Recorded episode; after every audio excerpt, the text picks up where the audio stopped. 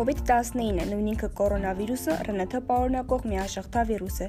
Առաջին անգամ հայտնաբերվել է 2019 թվականի դեկտեմբեր ամսին։ Փետրվարի 24-ին ԶԼՄ-ներում տեղեկատվություն է հայտնվել վիրուսով կրկնակի վարակվելու մասին, իսկ արդեն մարտի 11-ին ԱՀԿ-ն աշխարհում հայտարարել է կորոնավիրուսի պանդեմիա։ COVID-19-ը հասել է ընդհանուր 199 երկիր։ Վարակի շարունակող տարածումը ամբողջ աշխարհում հանգեցրել է ֆոնդային շուկայի վթարի։ Հետաձգվել են բազմաթիվ սպորտային մրցումներ, փառատոններ, ցուցահանդեսներ, ներառյալ Մոսկվայի միջազգային կինոփառատոնը։ Կորոնավիրուսից դեռ չմնաց նաև մեր երկիրը։ Ինչպես պայքարել դրա դեմ, որպեսզի չվնասենք մեր եւ մեր մտերիմների առողջությունը։ Արդյոք ինքնամեկուսացումը մեզ ձեռք կպայի COVID-19-ով վարակվելու վտանգից։ Եկեք հասկանանք միասին։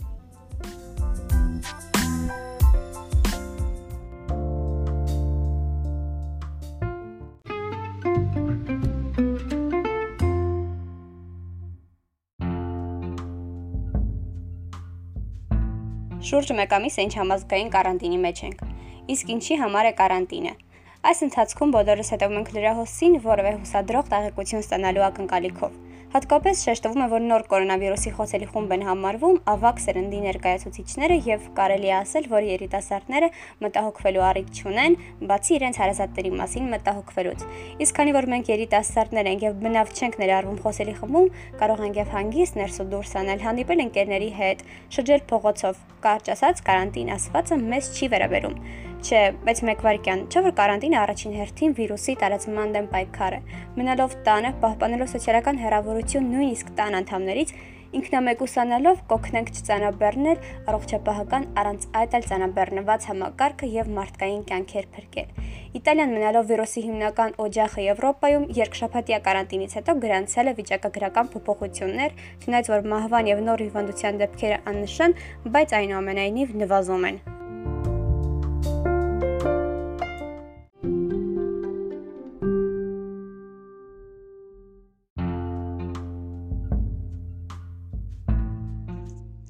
Կորոնավիրուսը ստիպեց մարդկանց փակվել տանն ու անցնել օնլայն ռեժիմին։ Նոր պայմաններին շատերը դեռ չեն հարմարվում, մինչդեռ մյուսները գտել են տանը մնալու բազմաթիվ պատճառներ եւ զբաղվում են սիրելի գործով։ Գարնանային արևոտ օրերը համալսարանի բակում չվայելող ուսանողներն իրար օնլայն են ճպտում։ Դե իսկ դասախոսները լսարանի փոխարեն մուտք են գործում օնլայն հարթակ։ Ուսանողական ակտիվ դասամիջոցներին փոխարինել են համացանցային հետաքրքիր կայքերն ու ֆեյսբուքյան քննարկումները։ Իր օնլայն առօրյայից է պատմում առաջին կուրսի ուսանողուհի Աննա Խաչատրյանը։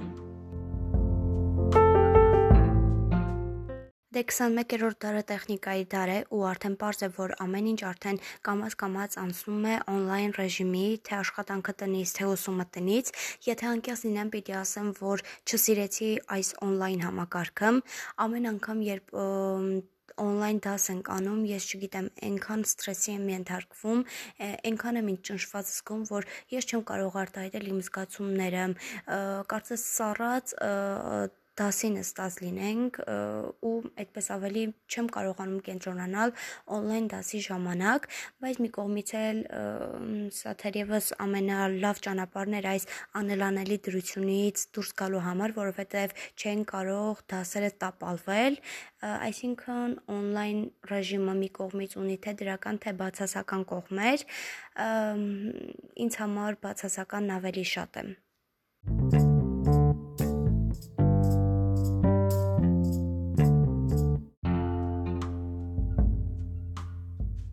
Պետք է ասեմ, որ այս իրավիճակը մեզ սովորեցնելու է, որ թեպետ 21-րդ դարն է, բայց մարդկությունը ապահովագրված չէ ոչ մի խնդրից, դժվարին եւ բարդ դրությունից։ Այս միֆը ի վերջո այլևս կոտրվեց։ Սա մի վիճակ է, երբ չի ճանաչում ոչ հարուստ լինելը եւ ոչ էլ աղքատ, անխտիր բոլոր պետություններին եւ նույնիսկ պետության գլուխ կանգնած ապահով ղեկավարին։ Դե ինչ, հույսով լցվեք, եղեք առողջ եւ հետևեք բարետի սահմանած կանոններին։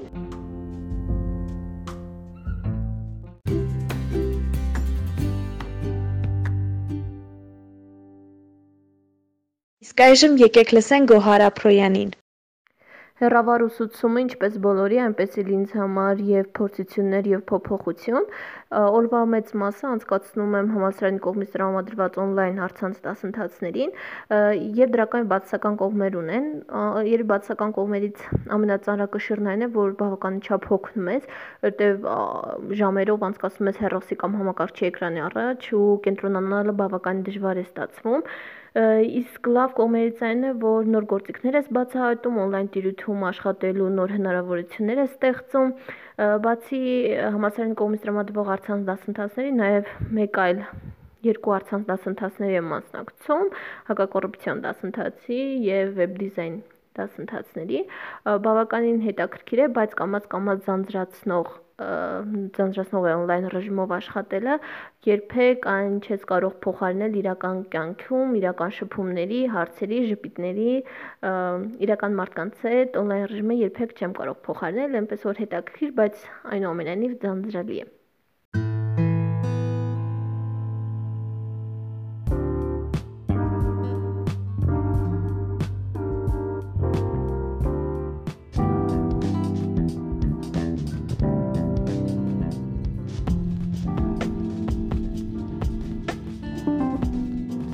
է ասեմ, որ զարգացումները լինելու են անհավասարաչափ։ Ոմանք դուրս կգան սթրեսային վիճակից եւ կանցնեն սպասողականին, մյուսները պարզապես կհամակերպվեն։ Այսինքն սա բավականին անհատական մոտեցում է ենթադրում։ Դե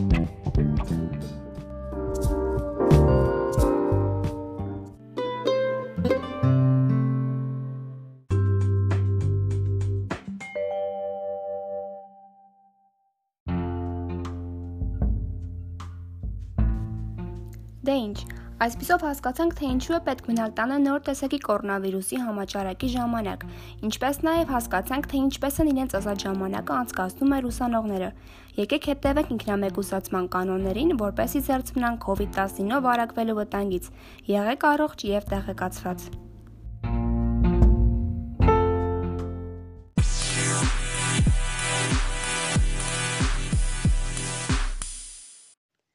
Ես Անահիտն եմ, չնայած նրան, որ մանկուց ինձ Աննա են անվանել դպրոցում, բակում, տանը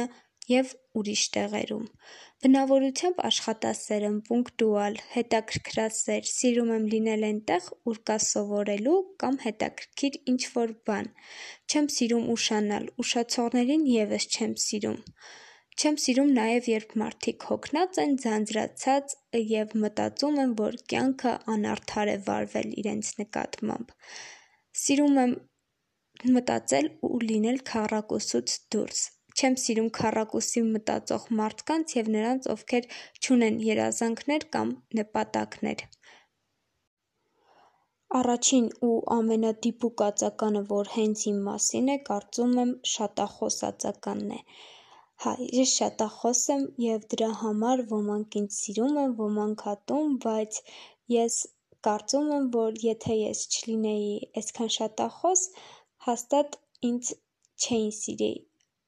ու չէին ընդունի այնպես, ինչպես ես կամ։ Երկրորդ բառը, որ տիպիկ իմ մասին է, ընթերցասեր բառն է, սիրում եմ կարդալ, կարդալ ամեն ինչ, ինչ ինձ հիշում եմ, կարդում եմ և դա օգնում է հասկանալ ու ճիշտ ապրել կյանքը։ Երրորդ բառը երևի երազկոտ բառն է, որովհետև միշտ սիրում եմ երազել և երբեք չեմ դադարում երազել, նույնիսկ եթե ինչ-որ մի բան չի ստացվում։ Միանշանակ լրագրող, որովհետև ինձնից հաստատ լավ բժիշկ դուրս չէր գա, իսկ ծնողներիս երազանքը ինձ սպիտակ խալաթով տեսնելն էր։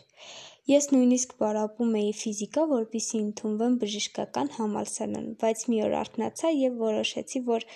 բժիշկ դառնալը հաստատ իմ խելքի բանը չէ։ Լրագրող, որովհետև լրագրությունը ապրելակերպ է, բնավորություն և կարծում եմ ինձ շատ համապատասխան է։ Եվ վերջապես ժուրֆակ, որովհետև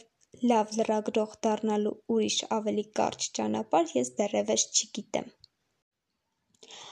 Անահիտի պատկերացրած լրագրողը նախևառաջ շատ խելացի պետք է լինի, որովհետև կա տարածված ու շատ սխալ կարծիք այն մասին, որ լրագրությունը թեթև մասնագիտություն է, իսկ լրագրող կարող է լինել ցանկացած մեկը, ով կարող է լայն ժպտալ և գեղեցիկ հարցեր տալ: Ես համաձայն չեմ դրա հետ և մտածում եմ, որ լրագրողը ամենա-ամենախելացի մասնագետներից մեկը պետք է լինի: Երկրորդ հերթին լրագրողը պետք է լինի պատասխանատու և վերջապես աշխատասեր: Բնավորությամբ շատ ինքնաքննադատ եմ ու երբեք չի եղել, որ հասնեմ ինչ-որ մի հաջողությամբ, գամ տուն ու ոտքս գցեմ ոտքիս ու սկսեմ արևածաղիկ կեղևազրկել: Միշտ աճելու, բարձրանալու տեղ կա և կարծում եմ մարդու ամենա-ամենակարևոր հատկանիշներից մեկը հենց ավելիին ձգտելու և երբեք կանգ չառնելու հատկանիշն է: Չէ, իրականում չկա այդպիսի լրագրող, որովհետև եթե լրագրության մեջ արդեն իսկ կա էդպիսի տեսակ, կարծում եմ ամենաքիչը հիմարություն կլինի ձգտել նմանվելու, որովհետև եթե օրինակ կա Պոզների տեսակից, ուրեմն արդեն կա և պետք է աշխարհին մի ուրիշ տեսակի լրագրող, որը գուցե հենց ես լինեմ: Արդեն նշեցի, որ պարապում էի ֆիզիկա, որպեսզի ընդունվեմ բժշկական համալսարան, բայց կարծում եմ եթե նույնիսկ չգայի ժուրֆակ, երբեք չէի գնա բժշկական, կընտրեի էնպիսի մասնագիտություն, որ կարողանամ էլի շատ խոսել, շատ մարդկանց հետ շփվել, ճանաչել, երևի կդառնայի քաղաքագետ կամ դիվանագետ: Երևի ավելի շատ ավելացել են նախասիրությունները, որովհետև ժուրֆակ գալուց առաջ իմ միակ նախասիրությունը կարդալն էր, շատ կարդալը, իսկ հիմա սիրում եմ արդեն լուսանկարել, լինել հետաքրքիր միջոցառումներին, բացահայտել, սովորել և կարծում եմ, որ սա շատ օգտակար է ոչ միայն մասնագիտական առումով, այլ ընդհանրապես կյանքում: Կարծում եմ առաջին հերթին լավ լրագրողը չպետք է մեծամտանա, որովհետև սա ամենատարածված սխալն է, երբ լրագրողները մեծամտանում են, նրանք արդեն կորցնում են իրենց լավը լինելու կարևոր հատկանիշը և իհարկե լավ լրագրողը պետք է միշտ սովորի, ամեն օր աշխատի, ամեն օր նոր բան բացահայտի իր համար, որովհետև երբ դու հասնում ես մի կետին և մտածում ես, որ ահա սա վերջն է, դա արդեն ամենամեծ պարտությունը կլինի: Դեռևս աշխատելու մասին չեմ մտածում, բայց քանի որ շատ հետաքրքրված եմ հետաքննական լրագրությամբ, ինձ համար երևի ամենալավ տարբերակը կլիներ հետքում աշխատելը: Իրականում չսիրելի սենսացիոն վերնագրերի մեծ ցանկ ունեմ, որովհետև վերջերս հատկապես դրանք շատ-շատ են շատացել, բայց հատկապես չեմ սիրում, երբ շոու բիզնեսի ինչ-որ ներկայացուցչի մասին է լինում նյութը և գրում են, թե միայն տեսեք, թե նա ումից է հղի, միայն տեսեք, թե երգելու ընթացքում նրա հետ ինչ եղավ, նման վերնագրերը ինձ ամենաշատն են նյարդայնացնում: Ասեմ, որ հասցրել եմ շատ փոքրիկ լրագրողական աշխատանքներով զբաղվել և ինձ համար ամենահավեսն ու հետաքրքիրը նոր մարդկանց հետ ծանոթանալն է, նոր միջավայրերում գտնվելն է, իսկ ամենավատը երևի երբ լրագրողին ոչ միայն մերժում են, այլև կոպիտ են խոսում նրա հետ, մոռանալով, որ դա էլ մեր մասնագիտական պարտականությունն է: Արդեն նշեցի, որ հետաքննական լրագրության սիրահար եմ և հենց այդ պատճառով էլ իմ ամենասիրելի լրագրողը Էդիկ Բաղդասարյանն է: Կարծում եմ եթե արդեն գործող լրագրողներ են, ուրեմն ես մի քիչ թույլ մարդ եմ, որ իրենց խորհուրդ տամ, թե ինչ անեմ, եթե արդեն գործում են, նշանակում է հաջողել են, պարզապես ուզում եմ, որ բոլորս մեր գործում ազնիվ լինենք, անենք այն ամենը, ինչը մեր սրտի մարդին հաճույք է պատճառում։ Առավոտյան չարթնանանք ու գնանք աշխատանքի, որովհետև պետք է գնանք ու փող աշխատենք, այլ գնանք աշխատանքի, որովհետև մենք սիրում էինք, մենք պայքարել ենք ու սա մեր երազանքի աշխատանքն է։ Եվ թե գործող լրագրողները եւ թե այն մարդիկ, ովքեր ուզում են ընտրել այս մասնագիտությունը, ընտրեն հենց այդ նպատակով, ապա կարծում եմ ամեն ինչ շատ լավ կստացվի։